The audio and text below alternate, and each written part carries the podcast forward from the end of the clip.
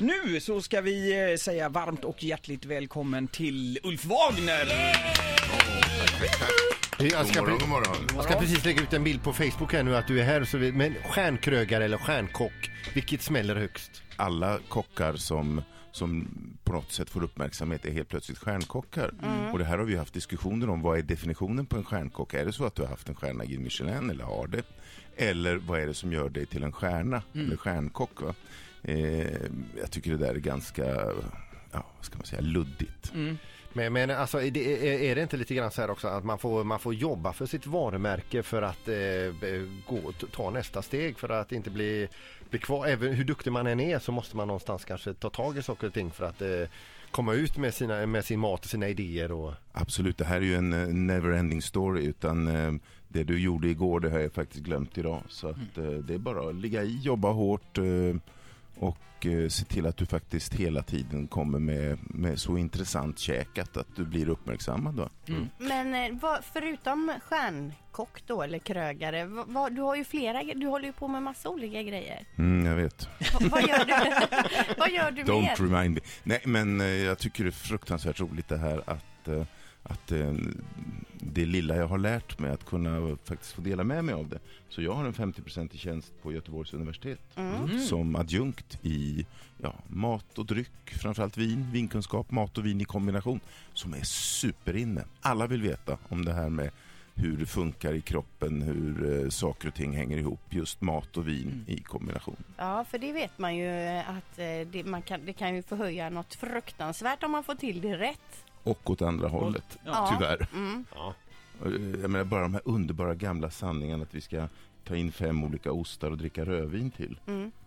Idag har vi lärt oss att, att det är nästan ingen ost som funkar Nej. med rödvin utan vi ska ha ett gott vitt vin eller ett, ett sött vin och så vidare. va? vad är det du sitter och säger? Ja, ja men det, det, det läste jag faktiskt häromdagen också. Ska man dricka vitt nu till osten? Ja, men alltså, allt handlar ju om att du ska ha maximal smakupplevelse. För Mm. att, vet du vad i slutändan det handlar om? Det är att det du tycker är gott, det är det enda som räknas. Självklart, men ens gäster ska ju gärna gilla det också så det är bra att ha lite halvsäkra kort. Absolut. Men, men du Ulf, din, din resa hit idag med, med allt du har gjort och allt du, och, och allt du har framför dig naturligtvis också då. va? Men men var, var började det någonstans?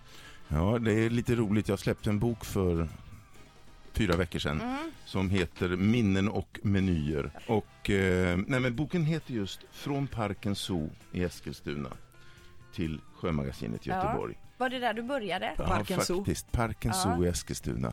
Som 14-årig på en sommarlov, så, eller nästan 15, så kommer jag dit och möts av en värld av elefantöron. Eh, Fast inte på menyn då. jo, Jo. Elefantöron på Ja. menyn. Nej, det hette så. Det var Är så det inte ur- lövbiff Jo, eh, som blir... absolut. Ja. Urbankad segbiff som man absolut, alltså, då, då går det att käka den. Va?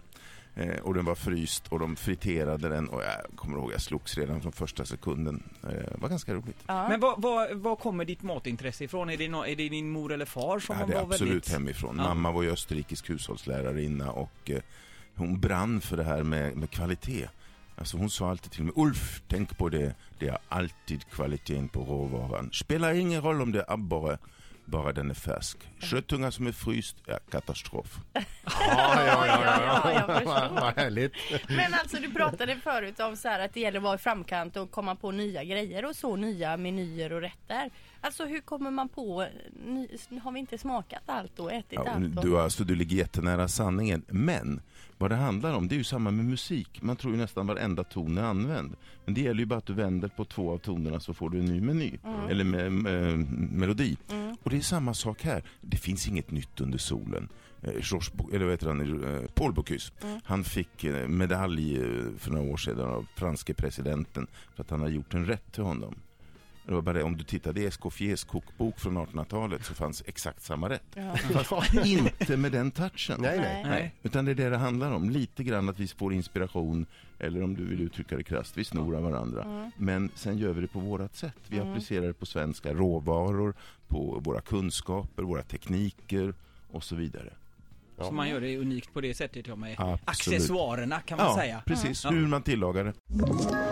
Ett poddtips från Podplay. I podden Något Kaiko garanterar östgötarna Brutti och jag, Davva, dig en stor dos skratt.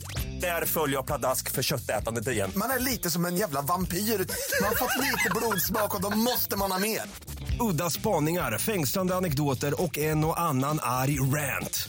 Jag måste ha mitt kaffe på morgonen för annars är jag ingen trevlig människa. Då är du ingen trevlig människa, punkt. Något Kaiko, hör du på Podplay. Därför arkadeinerna.